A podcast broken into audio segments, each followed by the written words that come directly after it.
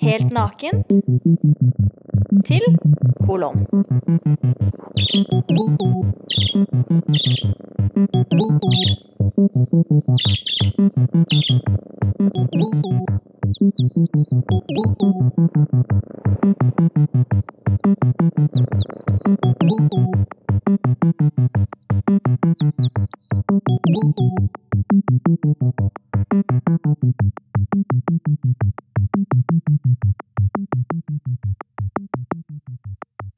Fra å være min bedre halvdel til å bli nullstilt for å så synke under overflaten, holdt du deg for nesa. Du forberedte deg, kjøpte en dykkerbriller med god kvalitet, øvde gjentatte ganger i badekaret før du la deg om kveldene. På overflaten. Du satt der i badedrakten din, øvde inn avskjedsbrevet og det triste smilet som på premieren ble gjort i ren rutine. Du visste du ville drukne uten hjelpemidler, noen å stole på, så du investerte i oksygentank og blylodd som en profesjonell. Da svømmehud mellom tærne var blitt en vane, kom du. Jeg var overrasket over å se deg med badehette, våtdrakt, neseklype og dykkerbriller midt i november. Du sa noe, men det druknet idet du sank dypere og dypere til jeg bare kunne se toppen av hodet ditt og reima som holdt dykkerbrillene på plass. Mens du holdt deg for nesa i påvente av igjen å kunne puste, sto jeg igjen på overflaten, gispende etter hva som burde gitt meg nok til å leve.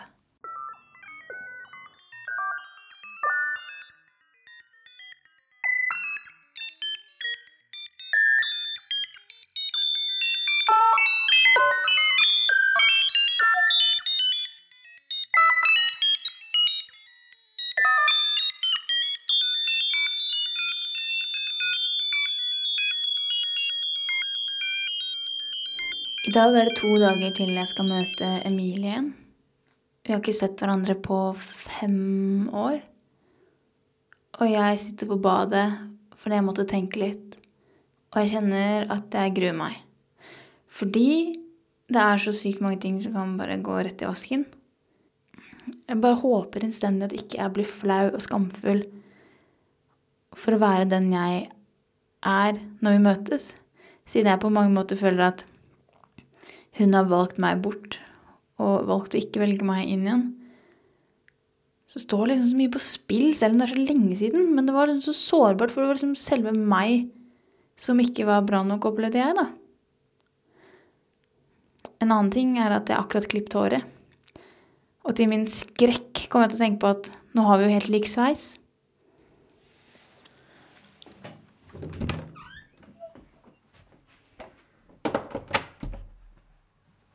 En gang i tiden så var yndlingsordet mitt Emilie. Yndlingsord, yndlingsperson, bestevenn. Jeg var 17 år da alt sprakk. Da grunnmuren i livet mitt revna og mørk, seig væske trengte seg inn i riftene, klamret seg til kroppen min og slo av hjernen. Så ble alt svart. Emilie, denne episoden er til deg som forsvant.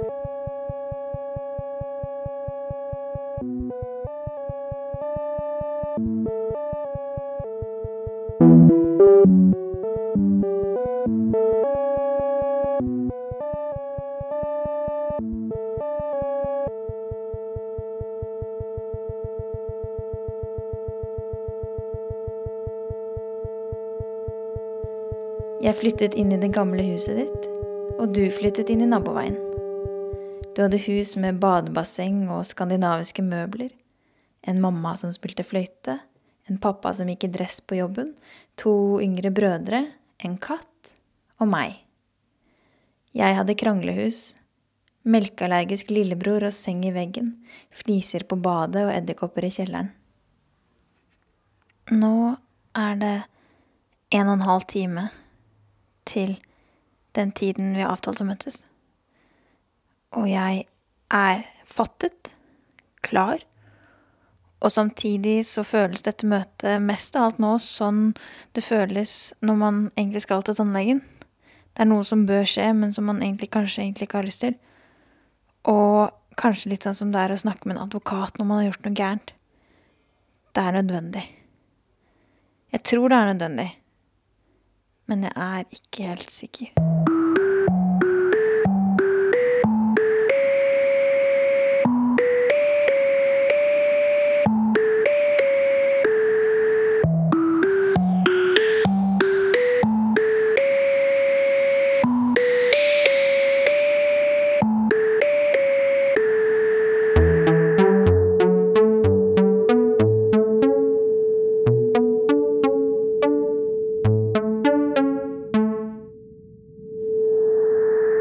Tok ikke så lang tid før du ble min aller beste venn.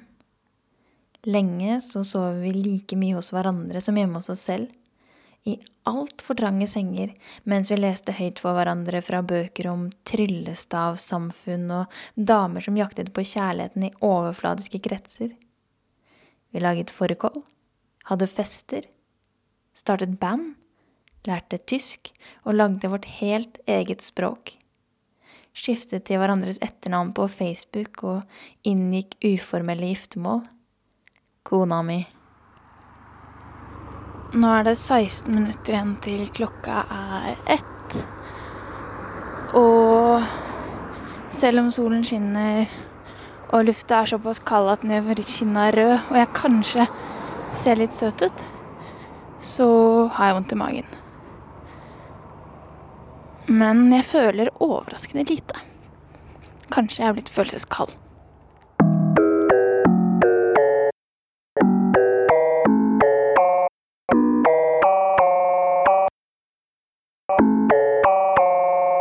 En gang vi satt hjemme i hagen din og sola må ha vært rundt klokka fem midt i sommerferien, tok jeg bilder av alt jeg likte ved deg der du satt. Jeg tror det ble 23 stykker. Nå er det fem minutter til klokka er ett, og jeg kom altfor tidlig. Så jeg satte meg i en bitte liten park, eller et lite åpent område med masse barn rundt. Fordi jeg lurer på skal jeg komme fem minutter for seint, skal jeg komme litt presis, eller skal jeg være der først? Det er et eller annet litt nonsjalant med å komme fem minutter for seint, så jeg tror kanskje jeg går for denne ideen.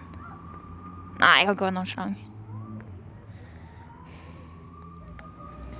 Da jeg kjente Emilie, så var hun alltid presis, så jeg vedder på at hun, hvis hun er sånn som hun pleide å være, som jeg ikke aner, at hun er der ett på ett. Etter noen år så gikk huset mitt i stykker. Halvparten ble boende, og halvparten flyttet ut. Jeg hadde ikke lenger edderkopper i kjelleren eller seng i veggen, men du var der. I vinduskarmen ved siden av senga mi hang det nå bilder av oss to da vi konfirmerte oss. På bordet sto det halvbrente lilla lyset som du hadde gitt meg fordi jeg syntes det luktet akkurat som deg. Det er seks år siden du var i det huset sist. Jeg er ikke sikker på om siste gang var da jeg feiret 17-årsdagen min, den kvelden mamma aldri kom seg av gårde, men holdt tale om hvordan det var å føde meg, og du bare gråt. Kanskje du skjønte at det var dette som skulle bli slutten?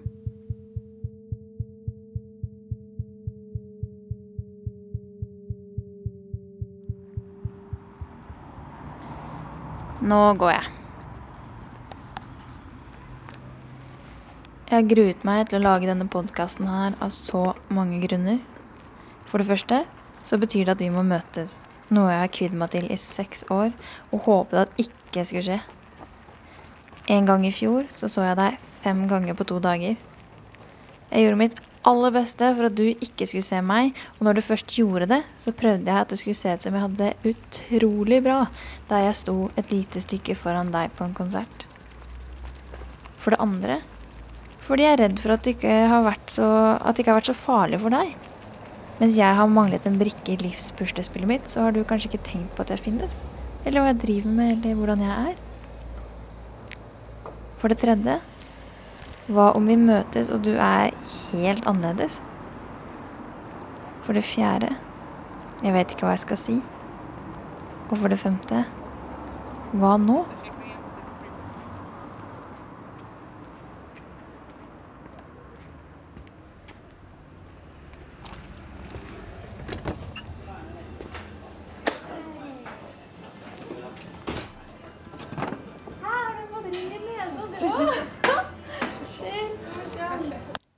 Vi har ikke bare lik sveis. Begge har ring i nesa. Jeg sånn okseaktig og Emilie sånn indisk på siden. Hendene mine rister litt idet jeg går og kjøper en limonade, og så snakker vi. Det er rart, men det er også litt fint. Det går en stund, og så fisker jeg opp opptakeren. Nå har vi møtt hverandre for første gang på kanskje fem år. Og så syns jeg det har vært veldig hyggelig. Ser? Litt overrasket. Eh, ikke overrasket. Jo, litt overrasket. Men jeg lurer på hvorfor slutta vi egentlig å være venner? Det vet jeg ikke. Det er veldig vanskelig. Jeg har tenkt mye på det selv. Um, da jeg hørte på den podkasten hvor du nevner har nevnt det tidligere, så slo det meg at vi har nok ganske ulik oppfatning av det. Uh, jeg, jeg, tror jeg tenkte at uh, Jeg opplevde at vi fikk en slags konflikt som ingen sa noen ting om. Eh, og så var jeg ganske konfliktsky, så jeg trakk meg litt unna. Og så tror jeg det skjedde en del ting i livet ditt da som gjorde det litt vanskelig for deg, som jeg ikke fikk høre om før i etterkant. da. Eh, og så bare glede litt fra hverandre. Eh, I kombinasjon med at jeg hadde fått meg kjæreste og etter et helt år på musikklinja begynte å bli kjent med de andre i klassen. Eh, fordi jeg hang jo med deg hele første klasse. Alltid. Eh, og at jeg syntes det var litt godt å få noen andre venner. Hva var konflikten?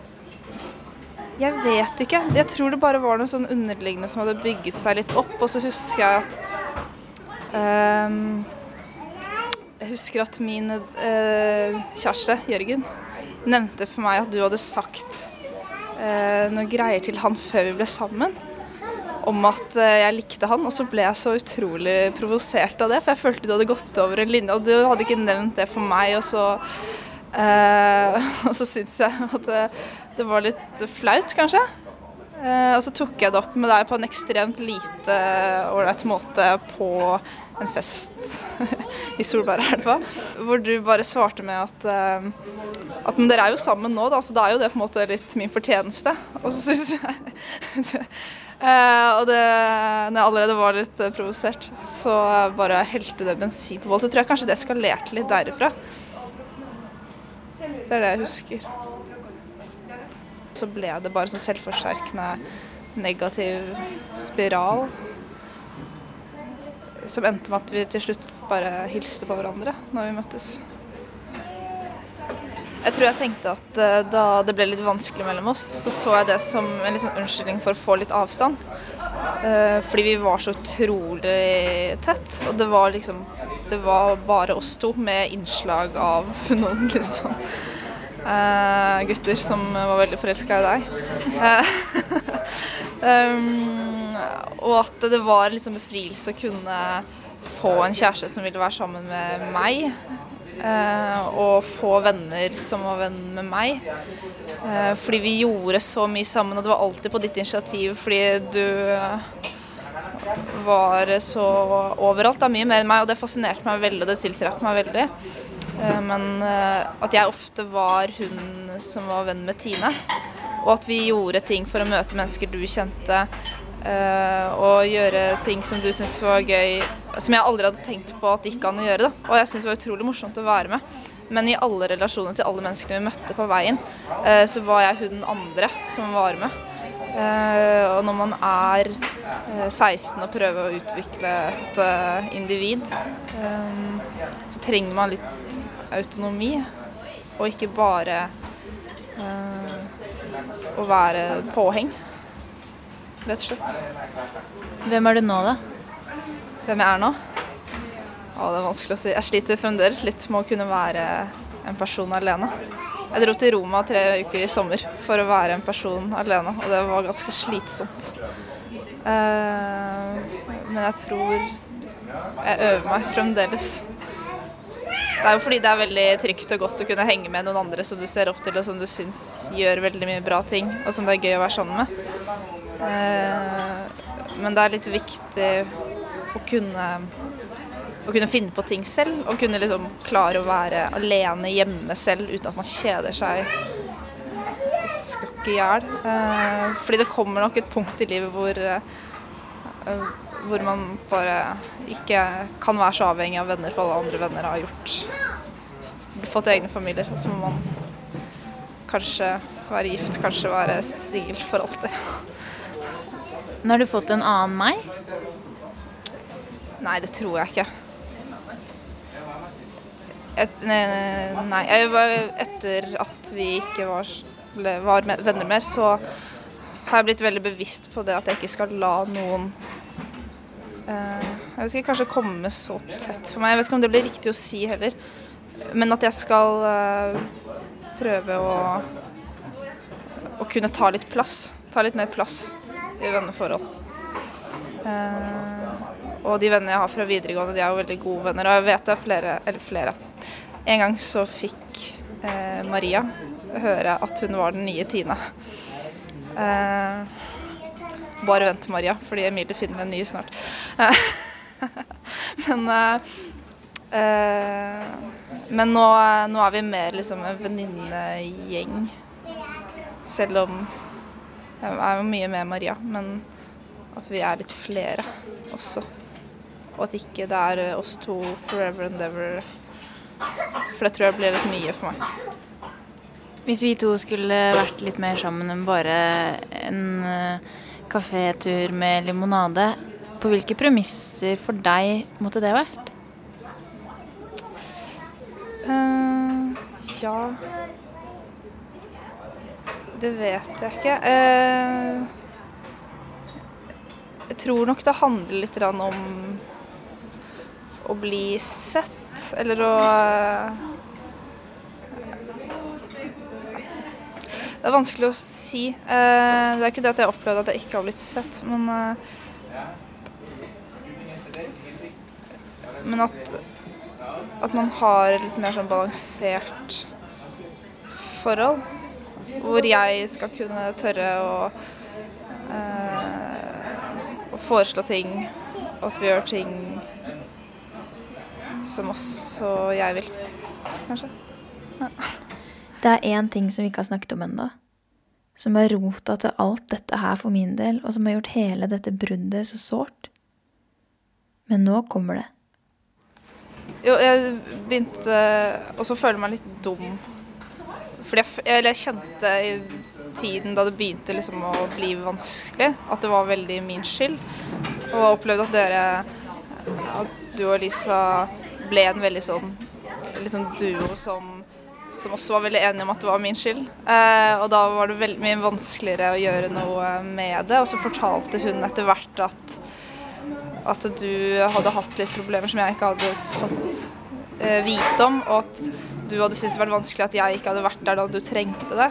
Og så opplevde jeg det som veldig urettferdig at, at, jeg, at det var forventet av meg å være til stede for noe jeg ikke visste at var vanskelig for deg.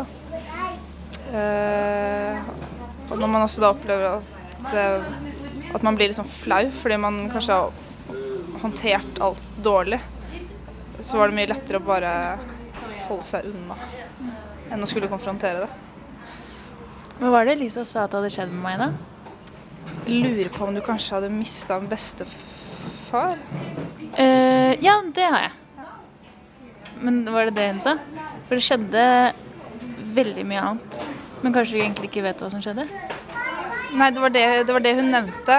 Uh, og så sa hun at det at du var i en tung eh, Eller hadde vært i en veldig vanskelig periode. Ja. Så jeg Du kan bare si akkurat alt hva det er. Du trenger ikke å begrense deg hvis du husker konkrete ting. For at uh, ærligheten skal få leve. Ja, var, hun sa ikke noe mer, jeg aner ikke. Jeg, du sier at det er mer som skjedde, det vet jeg ikke noe om, rett og slett. Og det, da følte jeg meg så utrolig ekskludert fra hele opplegget at jeg tenkte at kanskje at det kanskje var like så greit å ikke være en del av det lenger. Fra jeg er 17 til jeg blir 18 år, så er det veldig mange ting jeg ikke husker. Ting jeg har i så mange timer snakket om med folk som var betalt for å høre på meg. Som jeg trodde du kanskje visste, men som når jeg spør, du ikke engang ante at hadde skjedd. Når jeg forteller deg om da mamma ble veldig, veldig syk, og at den mammaen jeg pleide å ha, forsvant og ikke kom tilbake før mange år etterpå. Om andre voksne som krysset grenser slik at jeg fremdeles ikke kan gå i familieselskaper uten påfølgende angst og grining. Om alt som forsvant. At du forsvant. Jeg flyttet inn i en hule, kom bare ut når jeg måtte, jeg ville ikke dusje, jeg ville ingenting annet enn å løpe, løpe, løpe, løpe, løpe til jeg fikk overbelastning i begge knærne og flate joggesko. Men dette husker jeg ikke. Dette har jeg blitt fortalt, for i kalenderen min så var det svart det året.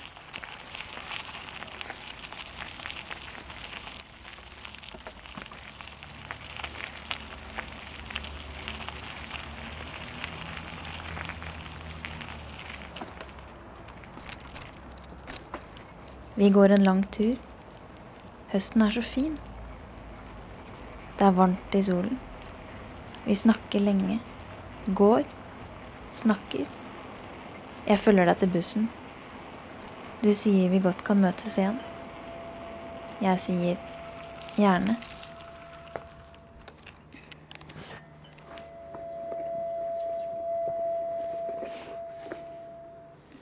Hallo? Hei. Ja, jeg skulle bare si at eh, jeg er ferdig å møte Emilie. Nå er jeg snart hjemme. Er du òg? Ja, supert. Hva sa du? Ja, kjempefint. Ses, da. Ja. Jeg gleder meg til å fortelle også. Ha det.